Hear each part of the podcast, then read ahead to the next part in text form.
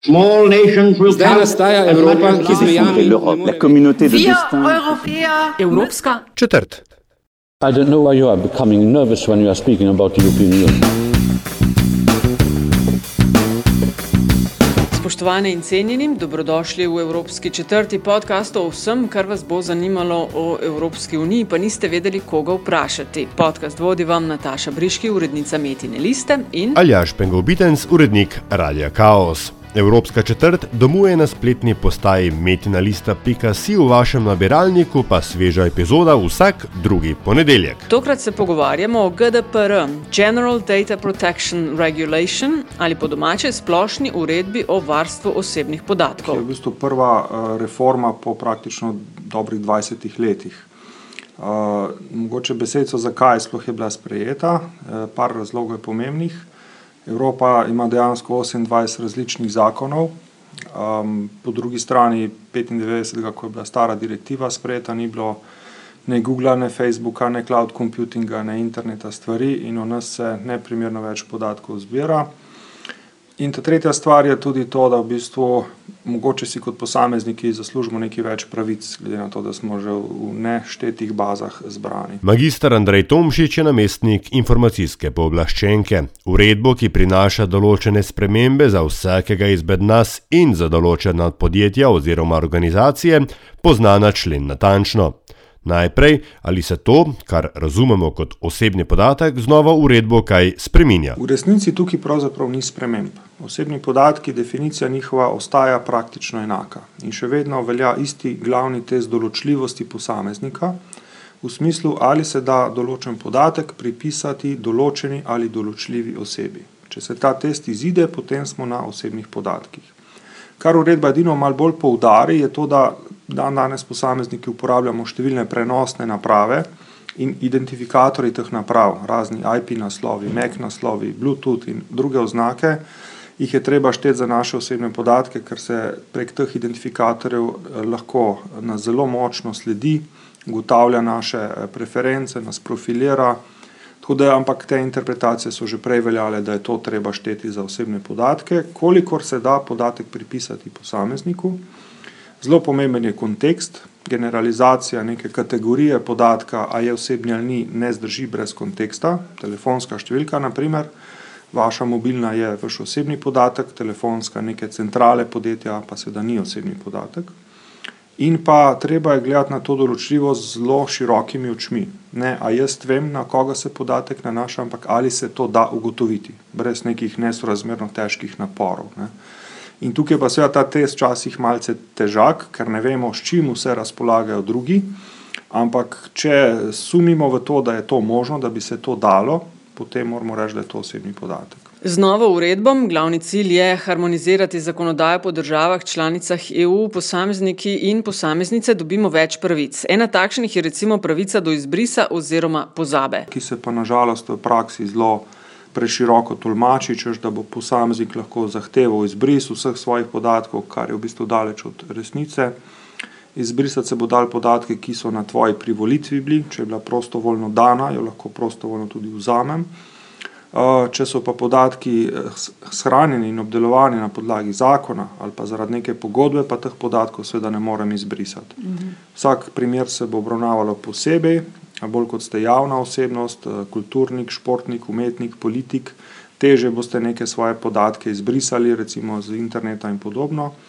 Mogoče je ta pravica mišljena tudi na pogoste nespametne objave mladoletnikov na družabnih omrežjih, eh, ki kasneje obžalujejo kakšne odločitve, pa jih ovirajo v pridobivanju službe, tako da bodo lahko dosegli umik nekaterih takih zastarelih, eh, nepotrebnih objav, ki jim samo še težko škodo povzročajo. Uredba o varstvu osebnih podatkov pa prinaša tudi nekaj novih obveznosti za podjetja, ki upravljajo z našimi podatki. Naša glavna gotovitev je, da tista podjetja, ki so že do zdaj poznala zakonodajo, torej obstoječi zakon o varstvu osebnih podatkov, nekih težjih prilagoditev pravzaprav ne potrebujejo. Mogoče jih še največ lahko prizadane unovično pridobivanje privolitev, če te privolitve niso bile ustrezne. Sicer pa, če so poznali zakonodajo, že zdaj imajo neke pravilnike o varstvu, imajo popisane svoje zbirke, Tako da praviloma ravnajo že zdaj v skladu. Tisti, ki pa do zdaj tega niso spoštovali, je pa to dvojni udarec, ne, ker so nekateri nažalost zdaj odkrili na novo osebne podatke, čeprav jih imajo že vrsto let. Vidimo po vprašanjih, ki jih sprašujejo, kako ravnati z varnostnimi kopijami, ali to je osebni podatek ali ne. ne tisti bodo pa dejansko imeli zdaj malo več težav. Magister Tomšič ocenjuje, da bo večina velikih slovenskih podjetij, ki se jih uredba dotika, dobro pripravljenih. Jaz mislim, da je situacija podobna kot je bila z VOP-om ena. Skratka, velika podjetja to že vrsto uh, mesecev spremljajo, se pripravljajo, imajo projekte, vodijo aktivnosti. In mislim, da večinoma 25. maja bodo kar dobro pripravljena. Govorimo o bankah, zavarovalnicah, farmaciji, seveda, nekih IT ponudnikih. Velik problem so pa seveda mala podjetja, ta dolgi rep malih podjetij, ki nekatera seveda imajo zelo malo osebnih podatkov, nekatera pa tudi zelo veliko. Dan danes imate lahko dva zaposlena, pa imate vse slovence v njihovi bazi. Tam je pa večja težava. Nimajo ustreznih kadrov, zakonodajo do zdaj niso dobro poznali in jo tudi zdaj v par mesecih ne morejo tako hitro spoznati. Tukaj gre predvsem za mogoče celo kakšne male start-upe, ki bi morali dobro poznati zadeve, sploh če imajo kakšne aplikacije, storitve, ki temelijo v osnovi na osebnih podatkih. Uh, javni sektor, odvisno, težko je neko številčno oceno podati, ampak recimo, da se kar zavedajo, uh, kaj morajo narediti.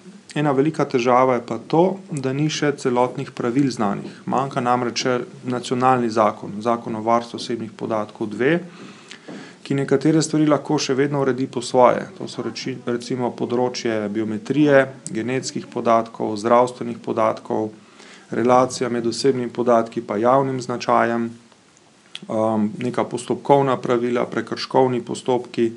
Tukaj pa je to kar zoprn izziv za podjetja, ki nimajo še vseh pravil pred sabo. In če so se že lotila velikih projektov in jim manjka ta del zgodbe, je situacija kar težavna lahko moram potolažiti mogoče uh, tiste, ki poslušajo tole, da nismo zadnja država tukaj, v bistvu imajo samo tri države takšen zakon že sprejet, to so Nemčija, Avstrija in pa Slovaška.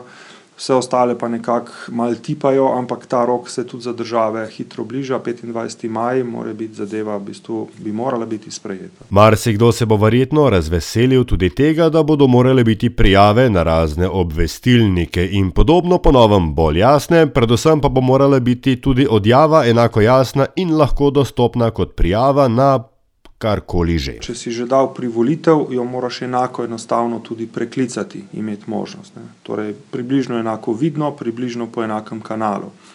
Uh, druga stvar, ki je, dejansko treba malce več ločevati med uh, pogojevanjem in prostovoljnostjo, pogojevati posameznika v smislu, če hočeš našo storitev, no možda tudi te podatke, ki recimo očitno niso potrebni za to storitev, to ne bi smelo biti več dopustno in pa sami teksti bodo morali biti predvsej bolj taki konkretni, jasni, jedrnati. Noben si ne želi nekih kompliciranih politik zasebnosti, ki jih nišče več ne prebere, ampak neke ključne informacije. To pa so, kdo smo, ki hočemo vaše podatke, katere podatke potrebujemo, želimo, kaj bomo z njimi počeli. Tukaj pri namenih je treba biti uh, človeški, jasno napisati, da bomo profilirani, a ne bomo, kaj to sploh pomeni biti profiliran. Eh, in seveda, kakšne pravice ima posameznik, recimo do preklica privolitve, do prenosljivosti, če je relevantna, do omejitve obdelave in druge. In tudi en tak detalj, ki pa ni tako uh, minoren, je pa to, da potrditvena okenca morajo biti dejansko naprej prazna. Oseba ne sme spregledati, da se je naročila na neko orodno vrstico, na neko oglaševanje, ampak mora to aktivno poklikati. Splošna uredba o varstvu podatkov stopa v veljavo 25. maja in kaj magistra Tomšiča najbolj skrbi?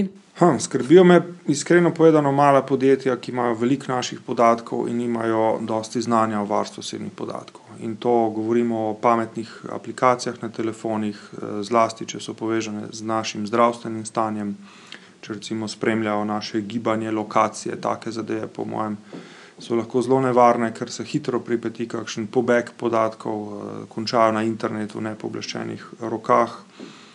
Eh, skrbijo me iskreno tudi, kot vedno, zdravstveni sistem, ki ima še zelo velik za nares na področju varstva osebnih podatkov.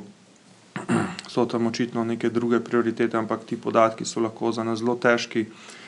Lahko celo vodijo v dobesedno v izgubo življenja, neki zastareli, netočni podatki imajo lahko težke posledice za nas. Zdaj pa lahko prehajali bolj svobodno med klubi zvestobe, med mogoče bankami, zavarovalnicami, neki družabnimi omrežji, neki drugimi IT storitvami. Uh, tako da ta nadgradnja mi je zelo pomembna, pa pomembna se mi zdi tudi varovalka pred uh, naraščajočim profiliranjem in predvsem avtomatiziranim odločanjem umetna inteligenca je na, na strašnem pohodu, računalniki odločajo, dobimo kredit ali ne, ali bomo ostali v zaporu ali ne, ali dobimo štipendijo ali ne. In seveda je zelo pomembno, da so ti algoritmi točni, pravi, da se jih da preveriti, ne na zadnje, in da mogoče na koncu dneva vendarle človek je tisti, ki sprejme odločitev. Zlasti, če pomislite, če se ta zadeva razširi na področje zdravstva, ne, kdo se bo upal oporekati enemu. IBM Watsonu, ki sprejema odločitev, kakšno diagnozo imamo, a se nas sploh splača zdraviti ali ne, ne. Tukaj vendarle neko človeško treznost in presojo bi moralo hraniti. In uredba ima tudi za to področje nekih varovalk. In kdo bo nadzoroval spoštovanje predpisov? Uredba predvideva ustanovitev neodvisnega nadzornega organa. Mislim, da tukaj ni pričakovati nekih sprememb, tako da z veliko vrednostjo bo to kar informacijski pooblaščenec. Mhm. Um, ko so se pojavili ali pa smo uveljavljali predpise, ki urejajo piškotke oziroma piškotke na spletnih straneh, je bila kar drama v Sloveniji. A so to novi piškotki ali je to še mal uh, hujša zadeva? Jo, odvisno skozi katere oči gledamo. Z, z enega vidika je hujša, ker se ne nanaša samo na piškotke, ampak na vse živo spremljanje, zbiranje in hrambo osebnih podatkov po drugi strani pa ne, pri piškotkih še vedno smo na tistih istih principih, ne, moč odločanja posameznika. Jaz vem, kaj se z mano dogaja. Ne. In to dejansko GDPR ne bo rešilo, ampak je stvar področne ureditve, torej bodoče e-privacy uredbe.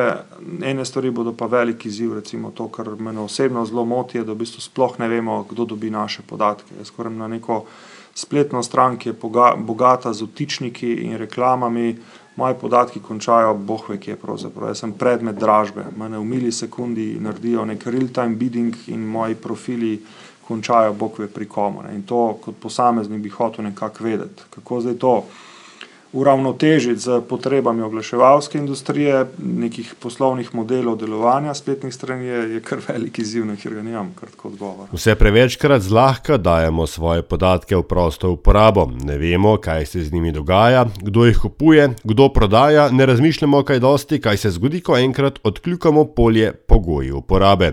In še pomembneje, kaj tam sploh piše. Tega se premalo zavedamo in jaz mislim, da bomo v resnici potrebovali še desetletja, da se bomo tega zavedli. Pravzaprav se mi zdi, da smo šele dobro začeli zbirati osebne podatke, ne. zdaj se je šele to močno razpihnilo.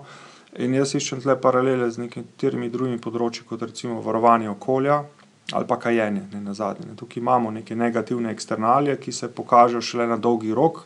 Ena kratka, hitra odločitev ne dojamemo njenih negativnih posledic. Ne. Dejstvo pa je, s tem, ko daješ podatke drugim, daješ tam drugim tudi moč, moč nad sabo. Oni te bolj poznajo, vejo, kdo si, kaj si, s kom komuniciraš, kje se giblješ, kaj te zanima, kam bi hotel potovati. Ne. In podatki so moč in tega še ne razumemo čisto. Ne.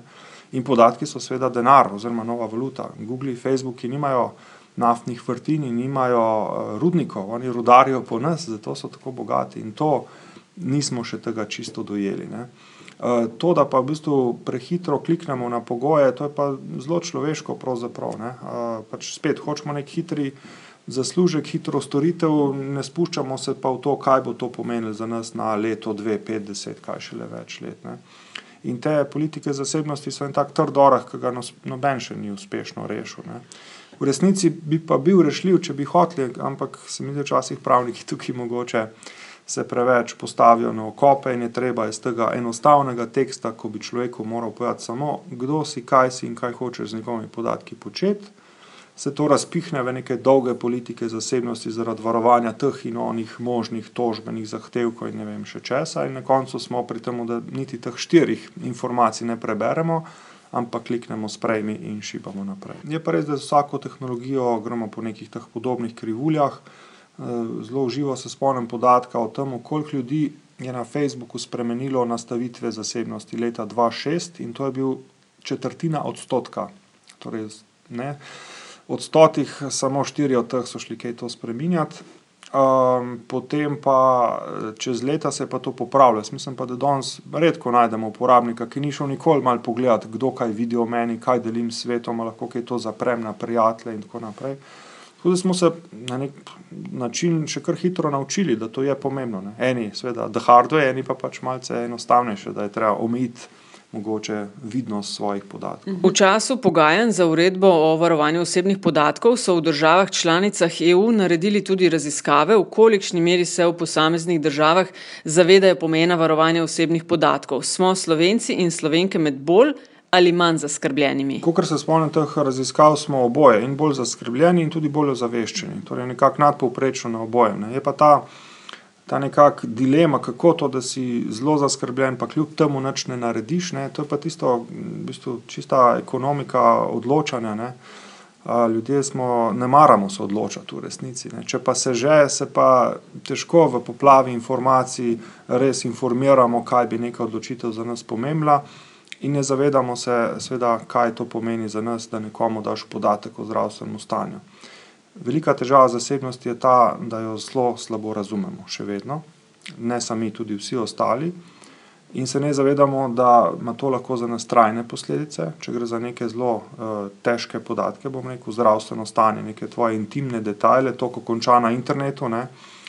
Druga težava je ta, da mnogi še vedno mislijo, da se nimam kaj skrivati. Če se mi nič ne zgodi, če nisem nič grdega storil, zakaj bi sploh varoval osebne podatke. Tukaj odgovor na to je, seveda, zakaj pa skrivate dobro, zakaj ste oblečeni, zakaj imate zavese, zakaj imate živo mejo. To ni skrivanje, to je moč odločanja. Jaz se odločam, koga bom spustil v svoj intimni svet, podatkov, komunikacij, hiše, če hočete. Ne. Tega mnogi še ne razumejo. Ne.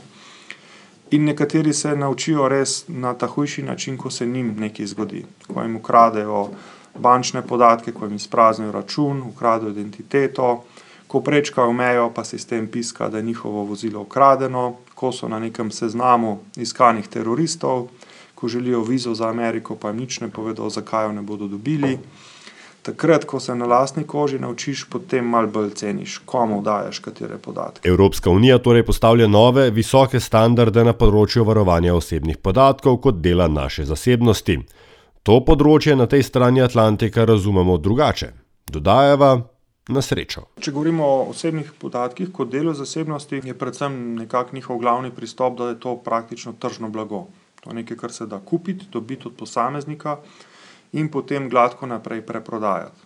Vas zanimajo, jaz ponovadi rečem, nosečnice v Šiški, to v Ameriki tako bazo bi dobil, bi jo kupil in uporabljal. Nekaj takega v evropskem prostoru ni, ni dopustnega. In ta trg med tema dvema gledanjema seveda povzroča velike težave, nekatera področja so zelo izrazita.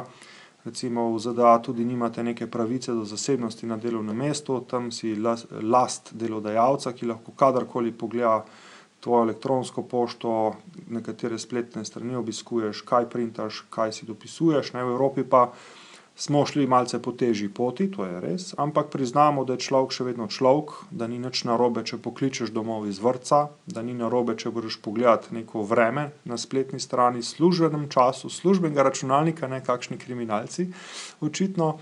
Tako da je Evropa šla tukaj tehtati med pravicami delodajalca in zaposlenih, ampak ta osnovni trg je pa seveda gledanje na samo zasebnost kot temeljno človekovo pravico v EU in pa na neko potrošno dobrino, če sem mal dramatičen v ZDA. In ZDA in EU se zavedata, da prekiniti podatkovne tokove bi bila gospodarska smrt za obe gospodarstvi, zato iščeta dogovore, kako zbližati ta stališča.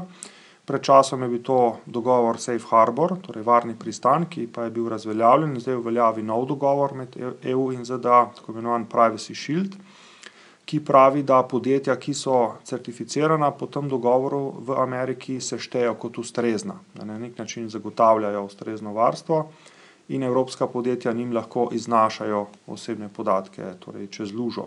Seveda ima tudi ta dogovor svoje pomankljivosti, ampak to recimo je trenutno nek konsens med tema dvema platema, da je to še ustrezno za izmenjavo podatkov. Mm. Ok, se pravi, kaj 25. ko začne to veljati, boste vi na okopih z dodatnimi zaposlenimi, ki bodo gledali, kako podjetja so sinhronizirana z GDPR-jem. Ja, 25. maja zadeva začne veljati, zdaj uh, mi se bomo dejansko ukrepili tako nadzorno kot ozaveščevalno. Uh, je pa seveda, da ni smiselno in ni racionalno uh, takoj nastopiti z nekimi rigoroznimi kaznimi, treba mogoče tudi, da se še počasi podjetja izobrazijo, da uvajajo spremembe. Ampak ja, prej ali slej bo tudi tega neka obdobja milosti konec in bo tudi sankcije morale biti izrečene. Hvala.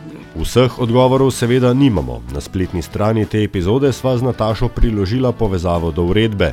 Ta šteje 88 strani in 99 členov.